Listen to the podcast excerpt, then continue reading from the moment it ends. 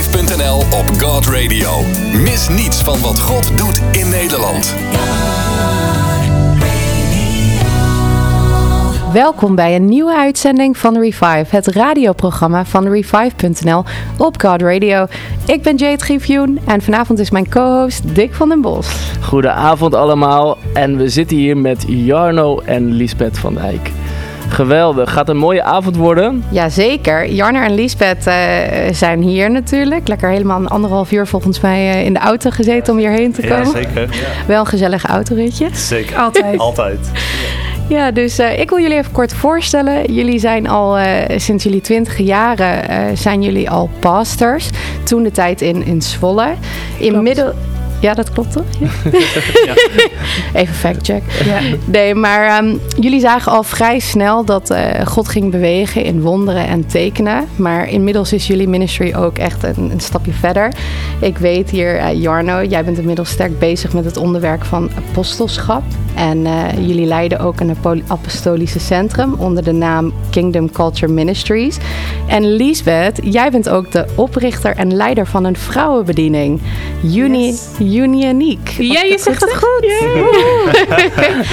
yes. En ook belangrijk om te melden dat jullie ook ouder zijn van twee jongens. Dus echt een, uh, een sterk gezin. En wat mij betreft ook echt een powerkoppel. Zeker weten. Familiebediening ja. en een goed team samen. Ja, ja dat is het ook. Ja. Echt, bediening is een familiebediening. Dus Absoluut. echt uh, heel gaaf dat jullie er zijn. Ja, want daar gaan we het uitgebreid over hebben straks. We gaan het dus hebben over hoe jullie dat doen hè, met je gezin. Ook als je misschien wel eens onder een vergrootglas ligt of mensen die heel erg op je letten. Hoe, hoe is dat hè? Om, om echt een, bekend, een bekend gezin in de bediening te zijn. En we gaan het ook uitgebreid hebben over apostelschap en uh, waarom het zo belangrijk is om apostelen te hebben in, in Nederland. En juist op een apostolische wijze kerk te runnen, zeg maar. Ja, uh, want dat wordt vaak door herders en leraren gedaan, hè, begreep ik. Uh. Al, een, al, een hele, al een tijdje. Ja. Ja, maar daar is verandering aan het komen, toch? er is verandering aan het komen, ja, zeker. Oké, nou, daar gaan we het zo uitgebreid over hebben. Maar we gaan nu als eerst eventjes een rondje doen langs de velden. Rondje langs de velden. Het laatste nieuws over wat God doet in Nederland. Ja, want we schrijven op revive.nl elke dag over wat God doet in Nederland. En vandaag hadden we een heel bijzonder artikel over wonderen en tekenen in Ede. Uh, afgelopen weekend vonden in Ede vier events plaats met Johan en Brenda Toet van One in Him Foundation. En daar was onder andere ook een healing night, waarbij er... Uh, 20 mensen Jezus hebben aangenomen en 100 mensen gedoopt werden. En complete gezinnen stonden in de rij om het doopbad in te gaan. Een jonge vrouw vertelde dat zij een tijdje terug haar leven aan Jezus heeft gegeven en nog, niet, nog even wilde wachten met dopen. Maar uh, eenmaal de preek van Johan horende wist ze meteen ik wil me gaan laten dopen. En ze voelde zich zo vrij en licht, vertelde ze.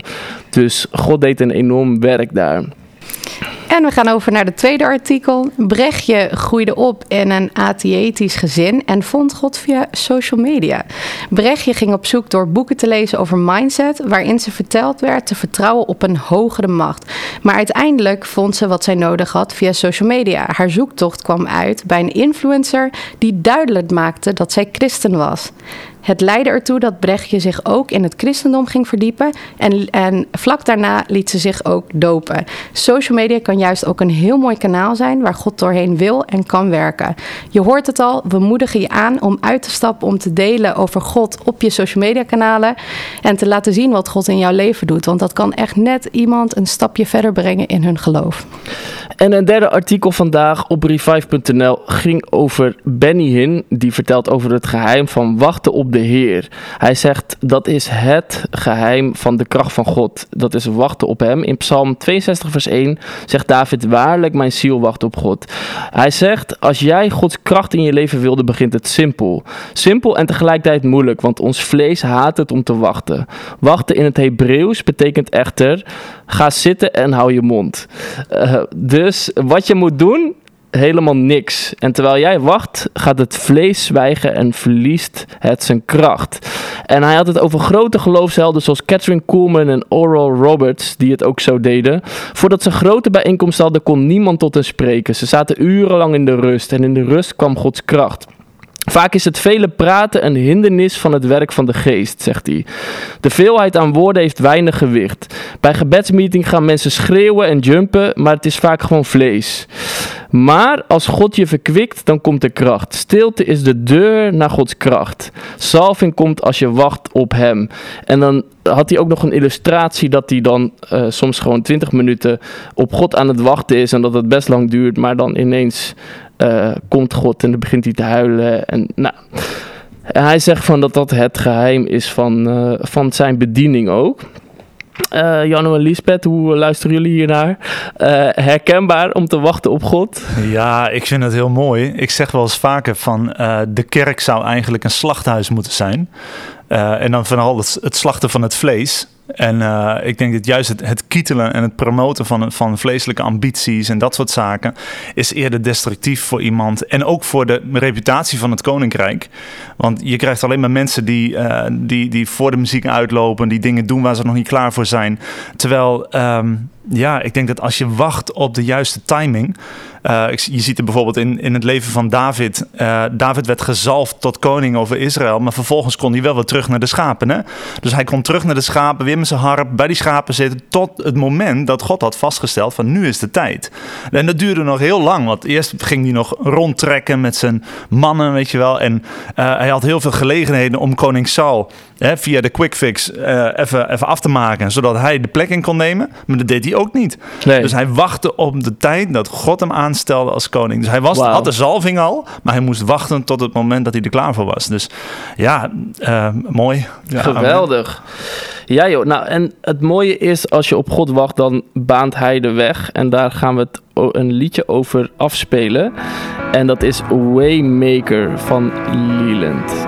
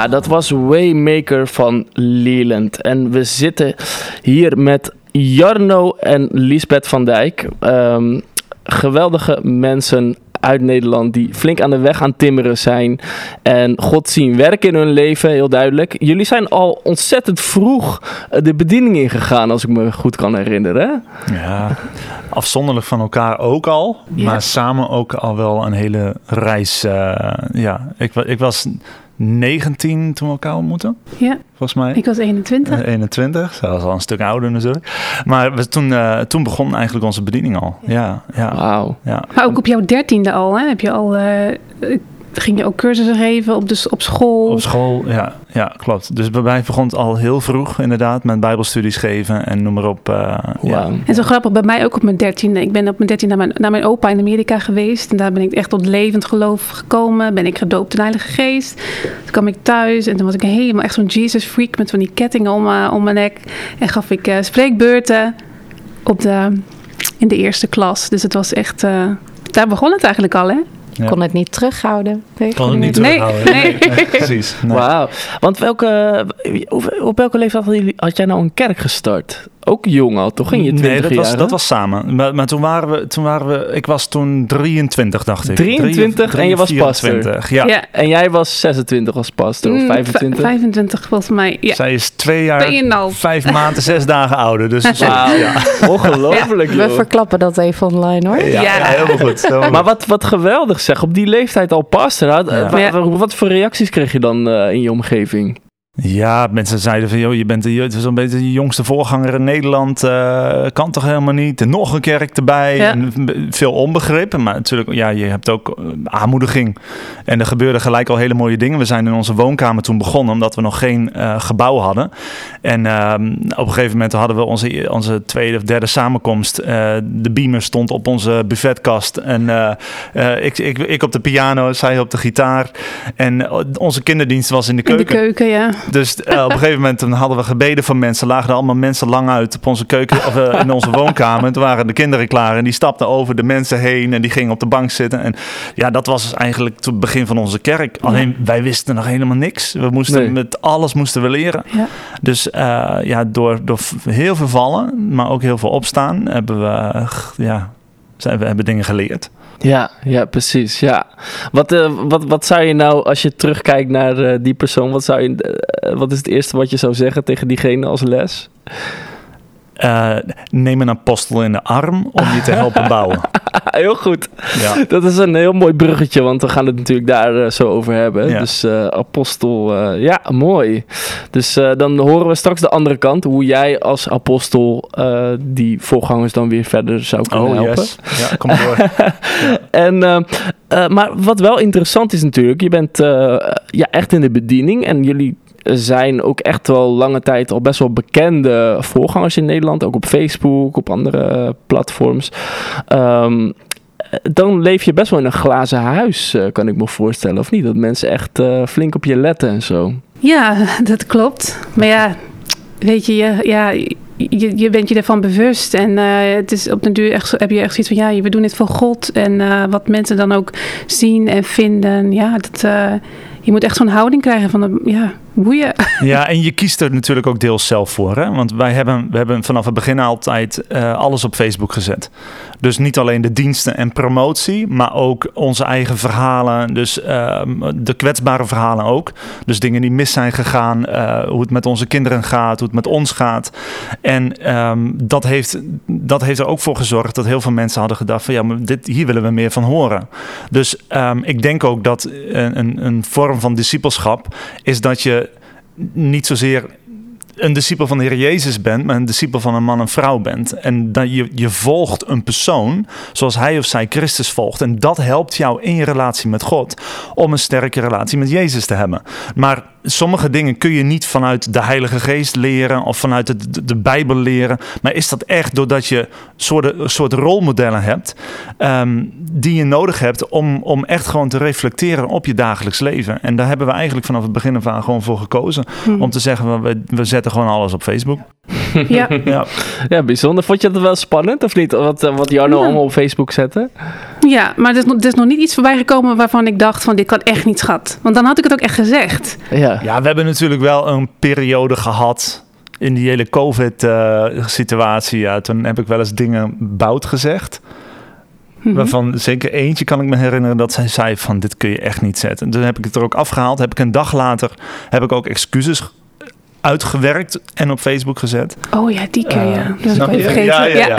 dus toen was zij ook degene die echt aan de bel trok en zei: Ja. Dit kun je echt niet maken. En toen heb ik later ook gewoon eh, gezegd: van, Nou, ik, ik bied hiervoor echt mijn excuses aan. Mm. En daar hebben we heel veel reacties op gehad. Ju ook van heel veel leiders die mij hebben geappt of gebeld: van hey, joh, ik vind dit zo sterk. Ja. Dat je ook daardoor voor eh, verantwoording neemt. Dus ja, het- in een glazen huis, ja. Dan, eh, dan, dan moet je soms ook met de billen bloot en zeggen: van Ja. jongens, eh, het spijt me, dit heb ik gewoon verkeerd gedaan. En ook daarin ben je dan weer een voorbeeld, hè? Ja. Ja, ik, ik denk vaak in de kerk dat die openheid vanuit leiderschap er niet altijd is, zeg maar. Het is eh, Mhm. als leider, dan doe je het allemaal goed. Maar juist door dat bloot te stellen, denk ik dat anderen daar ook heel erg door groeien. Ja, omdat het ook, je moet het ook niet zien als falen. Als je, als je iets doet waarvan je later denkt, ah joh, dat had ik gewoon niet moeten doen. Is dat niet falen? Dan zeg je gewoon, dit had ik niet moeten doen. Want je bent ook een mens. En eh, niet alles wat we doen is heilige geest. Het is ook gewoon vlees. Ja. Ja, en, en ik heb soms mijn frustraties en ik heb soms mijn ergernissen. En ja, die moet ik niet op Facebook delen. Ehm, maar als ik het wel een keer heb gedaan en ik kom erachter dat ik dat heb gedaan, met name door mijn lieve vrouw die me dan corrigeert. eh, ja, dan ben ik ook de eerste die zegt: Jongens, het spijt me, dat had ik gewoon niet moeten doen. Dus ja, het, maar het is niet falen. En juist in, in een leiderswereldje, zeg maar, waar, waar ook wel soms een soort, ja, ik zeg niet macho gedrag, maar wel een soort ehm, dat je bijna je reputatie hoog moet houden, eh, waardoor je ook niet dingen corrigeert. Ja, ik vind dat geen goed voorbeeld. Dus juist als leiders moet je daarin ook voorop lopen om vergeving te vragen, om te zeggen, joh, dit heb ik verkeerd gedaan. Ehm, ja, ook niet erg. Nee, nee, Nee. precies. Ja, bijzonder. hey, en ehm, eh, jullie zijn natuurlijk allebei de bediening ingegaan, hè? Hebben jullie het altijd met z'n tweeën gedaan? Of eh, eh, zou, ja, zou je dat zo kunnen zeggen? Ja, eigenlijk wel. Ja. Ja, misschien ik in het begin wat meer op de achtergrond. Eh, ons, eh, onze tweede zoon was toen ook net geboren, was toen net een paar maandjes oud. Dus ik was daar al druk mee. Plus bij een net beginnende kerk ben je ook al druk met, met, met alle andere taken natuurlijk die net aan het opstarten zijn. Zoals een koffiedienst, kinderdienst, wat dan nog meer. Een aanbidding deed jij toen nog. En ja, dus je bent met van alles bezig midden op de achtergrond. En nou ja, mijn man die, die, die sprak toen altijd. Dus, eh, en uiteindelijk is dat, ben ik wat meer naar de voorgrond eh, geschoven, zeg maar. En, en kwam dat door middel van jouw vrouwenbediening? Of kan je daar iets meer over vertellen? Of, eh, Nee, die vrouwenbediening is eigenlijk pas van afgelopen twee jaar. Ehm, ik, ik denk dat het gewoon echt het proces is wat God zelf in mij heeft uitgewerkt. En ehm, ja, wat ik, waar ik wel altijd echt last van heb gehad, zijn echt die verwachtingen van mensen. Ehm, dat zie je natuurlijk al gauw, hè? De vrouw van de vrouw van de voorganger, die moet ook vooraan zitten, die moet ook gaan spreken, die moet ook een vrouwenbediening, zoals bij, bij andere kerken. En eh, nou, daar was ik gewoon zelf nog helemaal niet aan toe. Uh, maar ik wilde wel uh, samen de bediening, in de bediening staan en mijn man ondersteunen in zijn roeping. En uiteindelijk zijn we allebei geroepen, maar op dat moment was mijn rol meer op de achtergrond en vooral voor mijn kinderen. Dus voor mij was dat voldoende. Dus ik heb echt wel moeten opboksen tegen die, tegen die verwachtingen van, uh, van mensen. Dat ze zeiden van nou waarom uh, zit je ook niet vooraan? Terwijl ik uh, achterin mijn kind in slaap aan het duwen was in de kinderwagen bijvoorbeeld. Of ja, ik, ik had ook echt bepaalde momenten dat ik gewoon niet vooraan wilde zitten. Omdat ik gewoon daar niet aan toe was. Dus ik zat gewoon midden in de, in de crowd zeg maar. Omdat ik ja, dat gewoon niet wilde. En dat moet oké zijn voor voor iemand die daar gewoon niet aan toe is. Dus uh, ja. ja. God heeft zijn eigen proces. Precies. Per persoon, dus ook los, maar ook ja. samen. Ja. Absoluut. Dus die pressure moet er echt uh, vanaf. Ja, ja. Hoe, hoe, is dat, hoe is dat toen uiteindelijk zich gaan ontwikkelen? Want jij was er niet klaar voor, tenminste, je, je, had, je voelde je niet klaar mm -hmm. voor op dat moment. Um, hoe, hoe ben je zo, je zo gaan ontwikkelen dat je uiteindelijk nu wel op het punt gekomen bent om er wel klaar voor te zijn? Ja, dat is mo- moeilijk te zeggen. Het is gewoon echt een proces wat God in je uitwerkt. Het zelf sterker worden, weten wie je bent, weten dat God ook mij geroepen heeft. Ehm, ja, ik vind het moeilijk om daar echt de vinger op te leggen, maar het is gewoon een, reis die die je met God zelf aflegt. En waar er ruimte voor is, waar genade voor is. En uiteindelijk komt het dan ook echt uit jezelf. En wordt het niet opgelegd van buitenaf, maar is het echt oké, wauw, ik heb ook talenten. Ik heb ook iets waar, waar ik mee wil dienen. Dus toen ben ik de worship ook gaan doen. Ehm, later ben ik ook wel gaan spreken. Dus eigenlijk is dat eh, vanzelf. Ja, en, en ik heb zelf ook nooit gezegd van, nou jij moet ook, eh, kom op, ga jij ook even spreken, ga jij ook je vrouwen dingen doen. En eh, ik heb altijd gezegd joh schat, als jij er klaar voor bent, dan prima. Maar tot die tijd, joh, blijf lekker bij de kids, doen wat je wil. Weet je wel, ze zat soms om de, onze jongste borstvoeding te geven en de koffie te zetten. Terwijl ik de soundcheck aan het doen was en de worship aan het leiden was tegelijk. Dus het was constant heen en weer gerend. Want ja, je bent een pionieren, dus je doet alles zelf. Weet je, dus het was echt uh, driedubbele fulltime job. Uh, je, je kwam gewoon 24 uur per dag tekort. En ik heb altijd zoiets van, joh, ik ben zo blij dat zij ook gewoon als, uh, als moeder en als huisvrouw niet um, zich daartegen afzetten. Alsof dat een of andere, wat heb je in deze wereld tegenwoordig, van huisvrouw, nou is bijna een vies woord. Um, maar ik denk, het is, het, het is een van de grootste, meest belangrijkste bedieningen die, die er zijn in deze wereld voor een, een moeder om voor haar kinderen te zorgen. En dat ik denk, als ik dan uh, voor de, de, bediening of het werk, het inkomen en dat soort dingen kan regelen. Joh, wat een zegen is dat voor onze kids geweest mm. in die tijd. Zij hebben nooit de prijs betaald voor het werk van de bediening. Dus zij kunnen nooit zeggen van ja, de kerk was altijd belangrijker dan ons. Daar hebben we altijd voor gewaakt. Weet je, dat zij kunnen zeggen van papa en mama waren er altijd voor ons. En misschien was papa er niet altijd, maar mama was er sowieso altijd. Wow. En dat is iets wat, wat wij zo belangrijk vinden, omdat um, juist ook voorgangerskinderen, en we kennen mensen van all over the place, die, um, en hun kinderen spreken we wel eens, en die kijken dan terug op hun kindertijd en die zeggen ja, um, ik hoorde ooit van, van een iemand die zei van ja, uh, mijn vader, ik noemde hem bijna altijd pastor. Want als ik samen met mijn vader zat en de telefoon ging, moest ik altijd wachten. En dat deed me zo pijn dat ik dacht, oh, maar dit... En hij, hij gaat niet meer naar de kerk nu. Hmm. En dan denk ik, ja, gelijk heb je. Want dat heeft gewoon je kindertijd gejat. Nou, ik, ik snap ja. dat. Dus we hebben altijd gezegd van... Uh, we laten soms ook echt onze kinderen meekijken in onze agenda. Ja. Wauw. Omdat het gezinsleven... Je, je relatie met God en je gezin... Uh, of, of en je bediening, je relatie met God en je bediening staan niet op dezelfde plek. En ik denk dat daar in heel veel bedieningen het scheef gaat. Mhm. Dus bediening en relatie met God is hetzelfde. Dus als ik nee zeg tegen bediening, zeg ik nee tegen God. Echt niet. Je, je zegt geen nee tegen God als je nee tegen bediening zegt. Maar je hebt eerst je relatie met God. Daarna heb je je gezin, je huwelijk. En daarna komt je bediening in je werk en al die andere Ja. dingen waar je, wat je agenda kan, kan vullen. Ja. En daar hebben we altijd gewoon onze, onze aandacht aan Mhm. geschonken die nodig was. En, en altijd gewoon in goed overleg. En dan soms uh, inderdaad, dan vraag je de kinderen van jongens, uh, dat weekend ben ik uitgenodigd. Wat vinden jullie ervan? Ja, maar dat is dit weekend ook al en het volgende weekend ook. Ja, nou dan doen we het niet. Oh, wauw. Mm. Dat is echt krachtig. Super Dus je kind, de kinderen belangrijke, belangrijke plek geven. En dus ook een vrouw. Het is dus helemaal niet verkeerd om gewoon een tijdje een man te volgen. Of nee, gewoon, uh, nee. helemaal niet. Nee. Nee, nee, En, nee. en als zij een, een, een uh, meeting heeft, dan ben ik daar om te dienen. Full on dienen. Ik zit niet vooraan. Ik ben vaak de geluidsman. Ja. Uh, hand- en spandiensten. Ik zet de stoelen klaar. Um, ik draag haar tas. Ik weet, dat is wat ik doe. Want dan ben ik echt gewoon in de dienmodus en ik dien ik mijn vrouw. Dus ja, ik vind dat heerlijk. Weet je, ja, ieder zijn ruimte. Ja, die voorbeeld zetten jullie wel, want je zoon is hier gewoon uh, lekker in de studio met Ja, ons vanavond. ja. Ja, het is echt een familiebediening, hè? Dus Ja. dat uh, gaaf om te zien. Heel goed om even wat meer te horen over weet je, hoe de bediening eruit ziet, hoe dat samenwerking tussen jullie elkaar. Uh, we willen nu echt de tijd nemen om iets dieper te gaan in de apostolische bediening. Dus uh, weet je, dan kijk ik jou, jou ook meer uh, aan, Jarno. Um, dus de vraag die ik wil stellen is: wat is de apostolische bediening? Ik denk dat het goed is even de fundamenten leggen. En waar is het voor bedoeld? Hmm. Um, nou, de, de, de, de, sowieso de vijfvoudige bediening wordt, wordt redelijk veel over gesproken. Ehm, en ook vanuit, kijk, ik ben Nederlands hervormd opgegroeid. Dus mijn, mijn referentie van leiderschap, dat was de dominee op de kansel en de, de ouderlingen in zwarte pakken in het bankje. Ehm, toen kwam ik in de evangelische beweging eh, tot levend geloof. En daar zag ik wel een raad van opzieners of oudsten, ouderlingen. En her, her en der kwam er wel een pastor langs of nou, een profeet. En als je dan kijkt naar, de, naar die schijf van vijf, wat ik altijd zeg.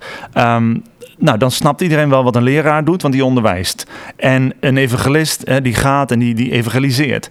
Een herder, ja, die is een herder. Dus die verzorgt zijn schapen en die, die, nou, die, die leidt een gemeente. En die drie die zijn dus best wel aanwezig in ongeveer elke kerk in Nederland, hè, denk ik. Ja, qua ambt misschien niet, maar het gedachtegoed is alom geaccepteerd. Ja, Ja. prima. Als je een leraar bent, prima. Kom maar op met je bijbelstudie. En, en een herder, ja, fantastisch. Want we hebben allemaal gebroken ziel. Dus we hebben allemaal... Fantastisch. En dat is ook nodig. En de evangelist ook wel. En dan de profeet. Nou, die profeteert. Dus dat is ook allemaal wel duidelijk. Wat is dan bediening van een profeet? Ja, dat is gewoon degene die profeteert. Nou, hartstikke mooi. Maar de apostel... Ja, wat doet die dan?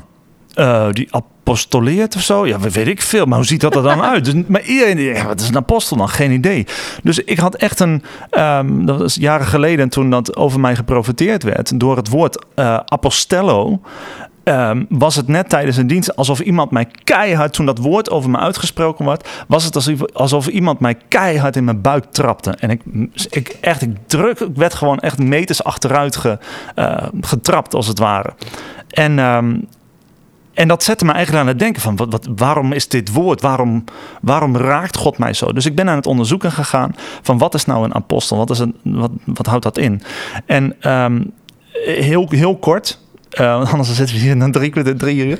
Ehm, maar het woord eh apostello of apostolos, dat betekent eigenlijk gezonde. En daar komt het vandaan. Gezonde met een specifieke opdracht. En juist in de tijd van de Bijbel was het een heel bekend fenomeen. Wij hebben dat tegenwoordig niet meer. Uh, maar als bijvoorbeeld Rome, uh, de Romeinen, die wilden Egypte veroveren, dan gingen ze daar eerst naartoe met soldaten. Die gingen vechten. En als ze dan uitgevochten waren, dan kwam er een apostel, apost, Apostello-delegatie kwam als het ware aan land. En wat, dat waren geen soldaten, maar dat waren uh, onderwijzers, dat waren economen, architecten, politici, uh, de, kunstenaars. Dat was eigenlijk de cultuur van Rome in één delegatie. En die, die planten zij in dat land om Egypte te laten lijken op Rome. En nou, wat zegt Jezus? Jezus zegt. Uh, uw koninkrijk komen, u wil geschieden gelijk in de hemel als ook op de aarde. Dus hij zegt eigenlijk van joh, we zijn gezonden om de aarde te laten lijken op de hemel. En dat is de puursang apostolische opdracht uh, van de kerk. Dus de kerk algemeen is apostolisch. Alleen die vijfvoudige bediening is opgedeeld in vijf. En één daarvan is de apostolische bediening, de apostel. En die is er met name in gespecialiseerd, om het zo te zeggen, om de cultuur van het koninkrijk te brengen en, en te onderwijzen. En daarin de kerk ook toe te rusten, zodat zij dat kunnen brengen hier op aarde. Ja, de, toen de eerste keer dat ik hoorde dat er nog steeds apostelen bestonden, dat uh, was een paar jaar geleden nog, maar misschien. ja. uh, toen hoorde ik dan van, uh, die zijn er om kerken te planten of zo, weet je wel. Maar als ik jouw definitie hoor, dan is de apostel veel meer dan alleen maar een soort van kerkplanter. Absoluut, absoluut. Dat is een, uh, dat is, ja, die, die kun je heel snel doorzagen. Um, uh, Jezus heeft nooit een kerk geplant. Maar hij, hij is wel een apostel. De, de, de Hebreeën zegt hij is de apostel en de hoge priester van onze blijdenis. Dus hij is een apostel, maar hij heeft nooit een kerk geplant. Het is niet zo dat in, in, uh, in Caesarea, nou, dat was de kerk die Jezus heeft geplant. Nee, hij heeft, hij heeft wel apostelen voortgebracht. Die hebben wel kerken geplant, maar er zijn ook evangelisten in de Bijbel die kerken hebben geplant. Dus nee, dat is het niet. En ik denk ook dat juist het apostolische gedachtegoed, wat Jezus heeft ge, um, zeg maar overgedragen aan de eerste twaalf, en daarna kwamen er nog veel meer. Um, dat, dat, dat gaat niet over. Um, wat, ik, wat ik vaak zeg is: de definitie van bediening is niet een microfoon vasthouden in de kerk. Ik denk juist dat buiten de muren van de kerk, en dat is het apostolische gedachtegoed, gaat het erom dat je, um, nou ja, we, spreken vaak over de zeven bergen mandaat, echt, echt om de, de maatschappij in te gaan. En daarom in ons uh, Apostolic Center, dus de kerk die we sinds vorig jaar hebben geplant, uh, dus we kunnen ook wel kerken planten, um, maar dat, daar zijn we mee gestart, omdat we hebben gezien dat er een soort void is, een soort leegte is tussen um, toegerust zijn in de kerk en effectief zijn op de plek waar je werkt, of je bedrijf, of je school, of wat dan ook. Hoe doe je dat dan? En dat is eigenlijk puur zang apostolisch. Dus mhm. ga de politiek in als je daarvoor geroepen bent. Was jaren geleden, toen was ik een, uh, in een dienst en er was een, een, vrouw die kwam na de tijd naar me toe en die zegt: Ja, wil je voor me bidden? Want ik weet gewoon niet wat ik met mijn leven aan moet. Ik heb zo'n verlangen om de politiek in te gaan, maar ik weet niet wat ik met mijn leven aan moet om God te dienen. Ik zeg: Maar lieve schat, dan, dat is dan toch wat je moet doen. Ja, maar ik, dat heeft toch niks met het evangelie te maken? Ik zeg: Dat heeft alles met het evangelie te maken. Want juist op dat gebied moet je van impact zijn en van invloed zijn. Dus ik heb toen voor haar gebeden of haar uh, geprofiteerd. En uh, nu is zij wethouder in een van de grootste gemeenten in, in het midden van het land. Zo. Dus um, ik geloof juist dat we hierdoor, hiervoor geroepen zijn. En dat is het hele apostolische gedachtegoed. Hetzelfde met tieners. Uh, als ik te veel praat, moet je het zeggen. Maar um, juist ook met tieners. Hè, een aantal jaren geleden, toen begonnen ze met Momentum. Daniel van Deutenkom, Samuel Boyardi. En toen vroegen ze me, wil je, wil je eens spreken als apostel voor de tieners over de zeven bergen? En toen ben ik er naartoe gegaan, ze heb ik daarover gesproken voor een half uur. En na de tijd kwamen huilend tieners naar me toe, omdat zij zeiden: Ik voel me geroepen om de zorg in te gaan. En het, ik krijg, raakt me gewoon, omdat zij zeiden: We dachten dat we dat niet voor God konden doen. Want als we voor God aan de slag moeten, dan moeten we of achter de beamer zitten, of bij de kinderdienst zitten. Wat dat willen de volwassenen niet. Of we moeten naar het zendingsveld. En nu weet ik, als ik deze zorgopleiding ga doen dan doe ik dat ook voor God. Ik zeg, yes man, wees de beste in je vakgebied. Dat is, uh, dat is apostolisch. Ja, Oké. ja goede Jarno. En ik, ik wil daar gelijk een follow-up vraag op stellen. Maar uh, waarom is het dan zo belangrijk? Waarom wil God hun daarheen sturen en positioneren binnen die, dat plek in de samenleving? Kan je daar ook meer over vertellen? Uh, omdat het koninkrijk van God niet de plek is waar je naartoe gaat als je sterft het koninkrijk van God is, is, een, is niet een locatie. Het koninkrijk van God is een, is een dimensie, is een waarheid die nu in ons leeft. Dat is wat Jezus zegt. Het koninkrijk is niet hier of daar, maar het is in u. Dus waar wij gaan, brengen wij het koninkrijk. En daarom praat ik bij ons in de kerk en op de plekken waar ik kom, uh, train ik mensen in heel sterk in een cultuur van eer bijvoorbeeld. Omdat Um, ik zei vandaag nog tegen iemand: de kerk is niet de thermometer, maar de kerk is de thermostaat en de wereld is de thermometer. Dus als wij, als wij zien dat het heel koud is in de wereld, dat betekent dat onze thermostaat hoger op moet. En dat betekent niet alleen in de fik staan en op de grond rollen, maar ook weten van oké, hoe doen we dat letterlijk op onze werkvloer? Hoe zijn we eervol? Hoe komen we op tijd op ons werk? Hoe, gaan we, hoe zijn we creatief op de werkvloer? Hoe zijn we innovatief? Laten we de Heilige Geest ons innovatieve ideeën geven in de zorg of waar dan ook. Um, en juist dat koninkrijk van God is zo praktisch te brengen. Uh, en dat is, dat, is de, dat is het apostolische. Dus Ja. niet alleen maar bijbelstudies en kerkdiensten draaien, maar juist mensen trainen zodat ze op de werkvloer van impact zijn. Ja, precies.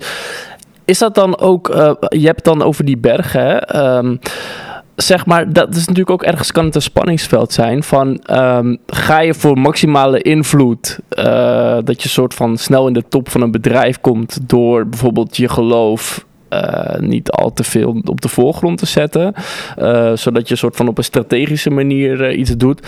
Je kan natuurlijk ook juist heel evangeliserend zijn. eh, weet ik veel wat. Dat zou misschien ook wel impact kunnen hebben op, op, eh, op dingen. Hoe, hoe kijk jij daar tegenaan, zeg maar? Want ehm, eh, je- het is niet de bedoeling om een undercover christen te zijn, hè, denk ik, op je werk.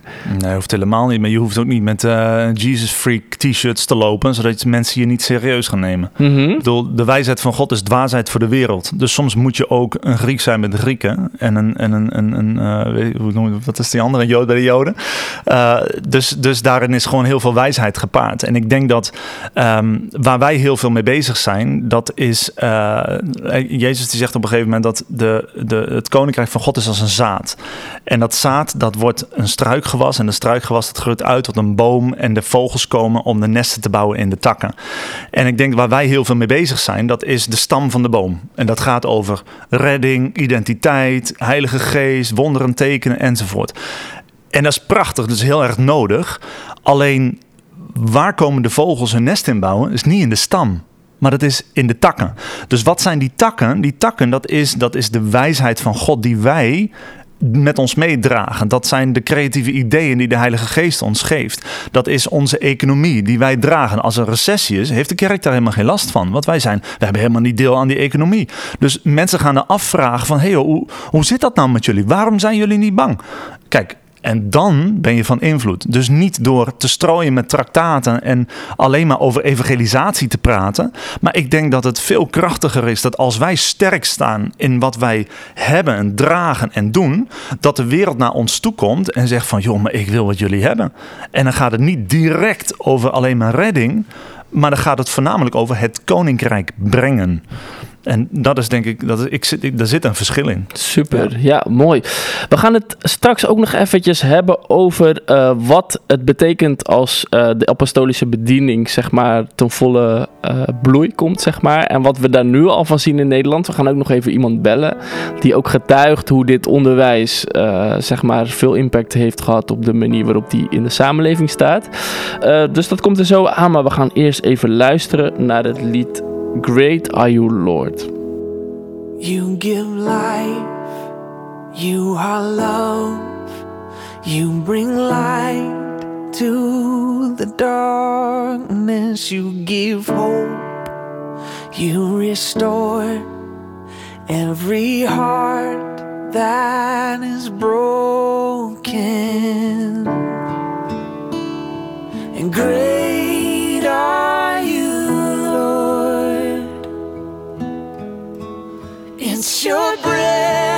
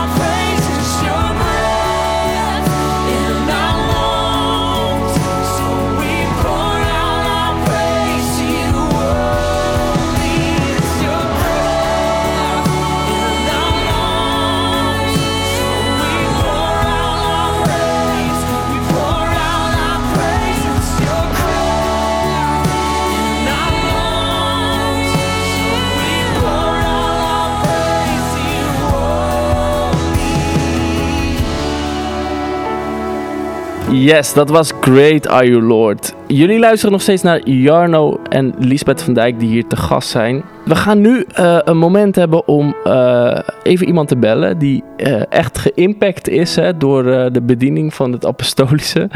En dat is Philip Smeding. Philip Smeding is ook betrokken bij jullie bediening en die gaan we nu even bellen. Testimony time. Wat doet God in jouw leven? Ja, goede avond Philip Smeding. Hi, met Filip, hi. Hi, hallo. Fijn om je eh, aan de telefoon te hebben, want we zijn bezig met de testimony time. En we begrepen Ja. dat jij een prachtige getuigenis hebt van hoe God jou aan het gebruiken is in eh, de maatschappij, echt als gevolg van eh, de apostolische bediening. Kun je daar iets over vertellen? Ja, dat is een heel leuk verhaal, dus waar moet je dan beginnen? Ehm nou ja, ik ben eh, vorig jaar februari ben ik eh, gestart met mijn onderneming. Dat heet eh A-Brand Design. En ik zit in eh grafisch vormgeving. En sinds, even kijken, sinds 2018 eh, help ik mee bij Kingdom Culture Ministries. En Apostel Jarno en Apostel Lisbeth heb ik ook ontmoet in die tijd. En ook in contact gekomen over de Zeven Bergen teaching. En ja, gewoon ontzettend zoekende geweest daarna over wat is dan mijn specifieke roeping of eh, welke berg mag ik innemen. En ehm, dat is geleid tot vorig jaar dat ik mijn eigen onderneming ben gestart. Ook eh, dat ik eh, werd aangemoedigd om ook voor mezelf te beginnen. En dat was voornamelijk bij een bijbelschoolavond toen van Kingdom Culture.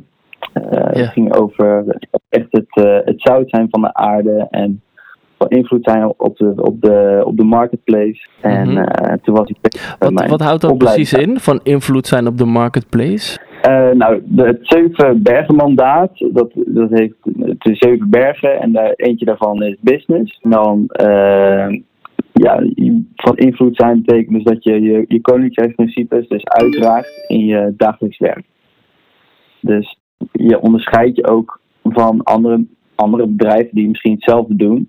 Dat je dingen juist excellent aanneemt, goed te vertrouwen bent, wijs omgaat met je spullen, mensen eh, veel doet met relaties. En ik merk zelf heel erg dat daar het grote verschil in zit met, eh, met andere collega's. Ja. En ehm, het bijzondere is ook wel dat ook een, tijdens de Bijbelschool van Kingdom Culture ehm, hadden we ook een avond over de Seven Mountains. En daarin ehm, eh, gingen we op het einde gingen we allemaal apart. Dus de groepen gingen bij elkaar van bijvoorbeeld de ene kant mensen die bijvoorbeeld eh, in kinderopvang werkten of eentje eh, die in de kunst zitten. Stonden van alle bergen wat. En eh, ik stond met eh, nog vier, vijf andere mannen die ook in uh, grafische omgeving zaten. En eh, toen vroeg er een van, eh, hebben jullie misschien wat nodig? Nou ja, en mijn laptop was gewoon niet oké meer. En ik had gewoon echt een MacBook nodig.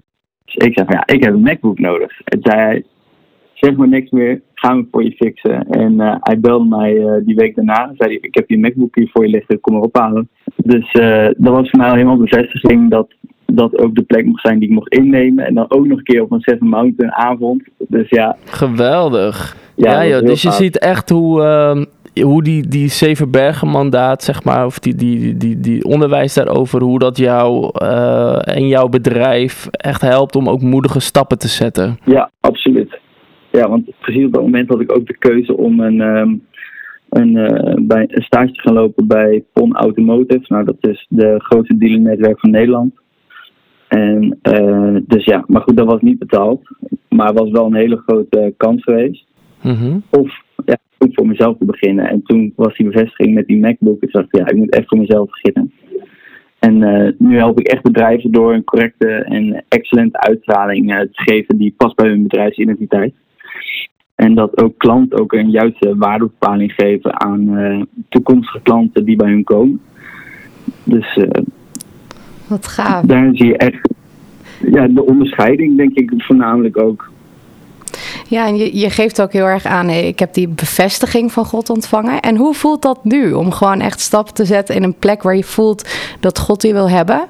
Ja, eh, aan de ene kant heel vaak heel spannend, omdat je eh, omdat ondernemen ehm, ook bepaalde stappen van je vraagt die je moet maken. Eh, zoals met eh, netwerken, eh, relaties bouwen, wat je eigenlijk ook in het Koninkrijk ook doet. Maar om ja, concreet, eh had ik bijvoorbeeld met een klant een paar weken geleden.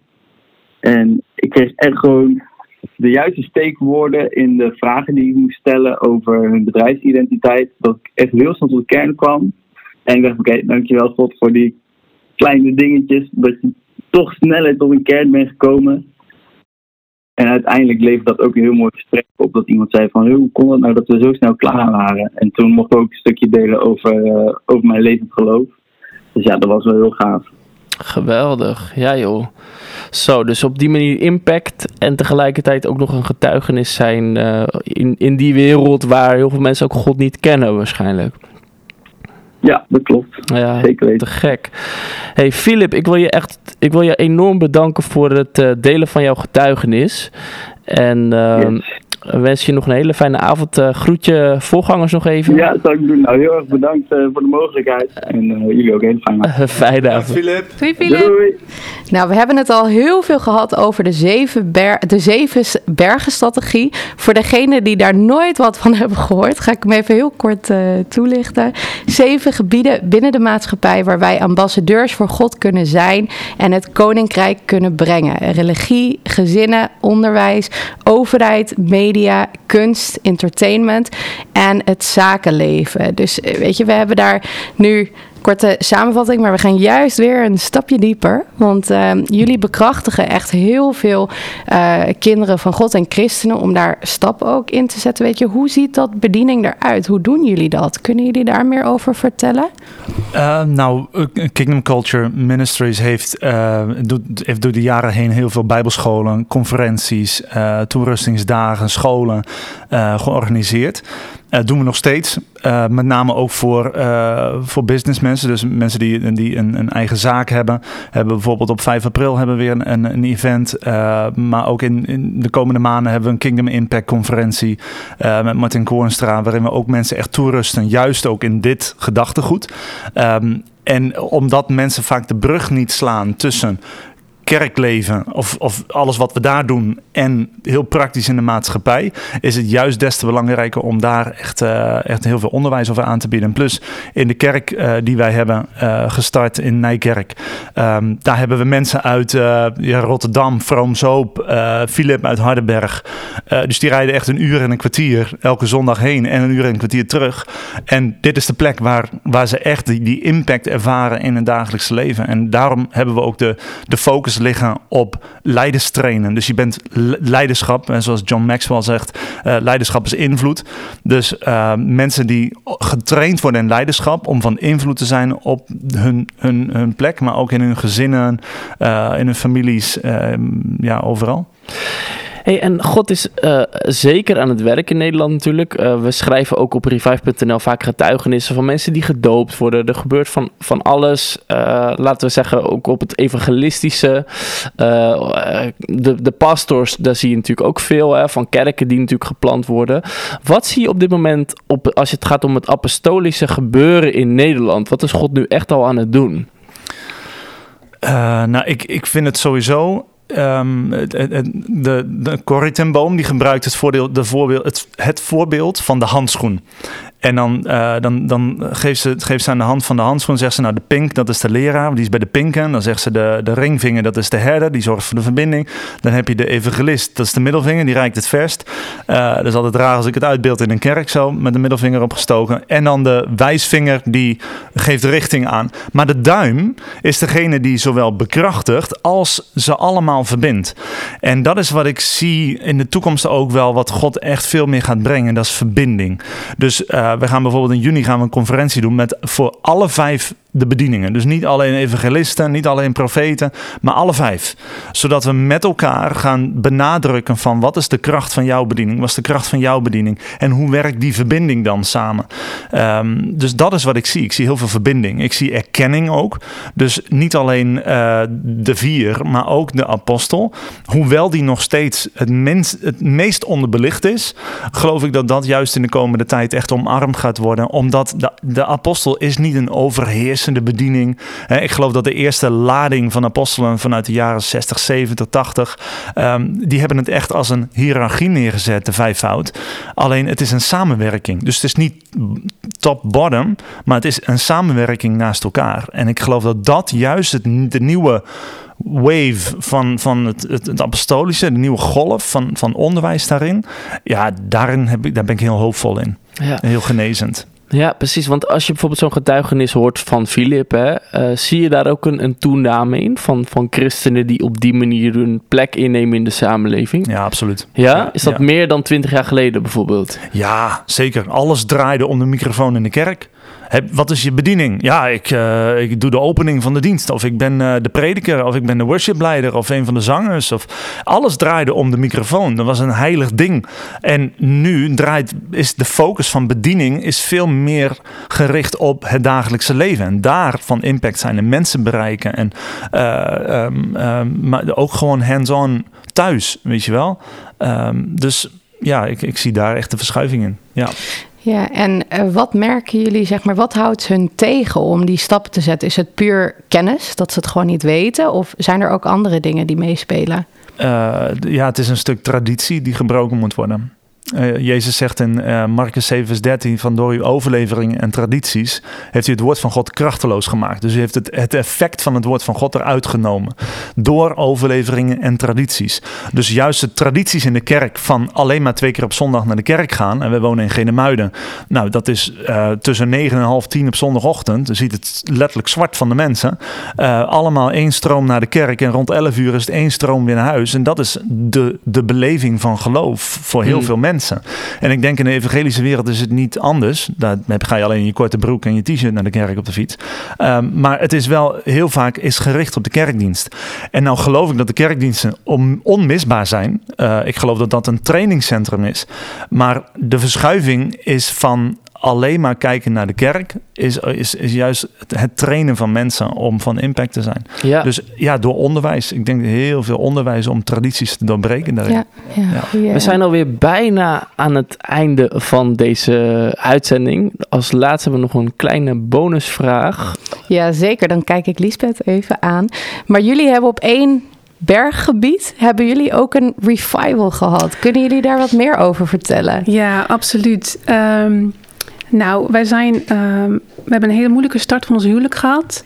Eh, en we zeggen altijd, eh, ehm, hoe gaat hier gezegd? Hoe gaat het ook altijd? Eh, ik They tried to bury us, Ja, dat is hem. Didn't, didn't know we were a seed. Dus het is gewoon echt de vijand die wilde proberen ons de kop in te drukken. Maar we zijn er sterker uitgekomen. En het mooie is dat eh, toen we hier naartoe reden, moest ik echt denken, hè, het is eh, revive. En ik moest denken aan hoe God ons huwelijk heeft gerevived. En eh, toen we 12,5 jaar getrouwd waren, wilden we eigenlijk een groot feest eh, geven. Maar dat kon niet, was in de coronatijd.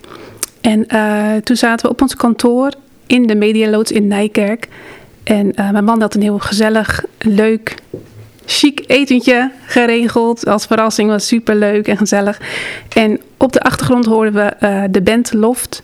Die had een, of ze hadden een avond een oefenavond, weet ik niet meer. Ja. En ze waren op dat moment eh, God of Revival aan het spelen. Nou, dat, dat bracht ons op, ons knieën, op onze knieën. We hebben daar gehuild en gebeden en God gedankt dat Hij ons huwelijk echt gerevived had. En ik moest ook hè, aan denken aan het lied van eh, God of Revival. There's no prison wall you can't break through. No mountain you can't move. All things are possible. There's no broken, en eigenlijk is het body you can't raise.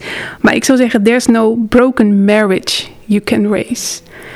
Wauw. Amen. Dus eh, wij ook hierin willen we gewoon getuigen van hoe God, ook al is je huwelijk nog zo gebroken, zie je geen hoop, zie je geen leven. En daar eh, op dat punt waren wij.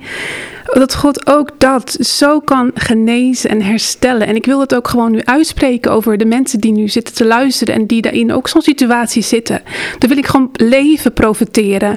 En gewoon, ja, de opwekkingskracht uitspreken, revival. Dat je, dat je huwelijk gerevived wordt op dit moment in de naam van Jezus. Amen. Amen. Yes. Nou, we moeten er wel echt een einde van maken nu. Dus ik wil Jarno en Liesbeth echt van harte bedanken dat jullie er waren vandaag. Ook voor jullie wijsheid en de openheid eh, qua hoe jullie delen. En ehm, ja, we hopen jullie wel weer een keertje terug te zien. Maar eh, voor de luisteraars eh, wil ik ook even zeggen dat. ehm, dat we hopen dat dit gesprek jullie ook echt heel erg heeft geïnspireerd om uit te stappen. Ook in de plekken waar jullie juist zijn gepositioneerd door God. Want daar, jullie hebben het gehoord, daar kunnen jullie ju- juist heel veel impact hebben.